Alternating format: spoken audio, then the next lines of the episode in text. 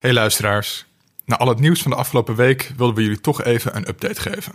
We zijn enorm geschrokken en geschokt door de onthullingen over Sidney Smeets. Hij blijkt een andere persoon te zijn dan degene die wij dachten te kennen. Kiki Dingen gaat daarom verder zonder hem.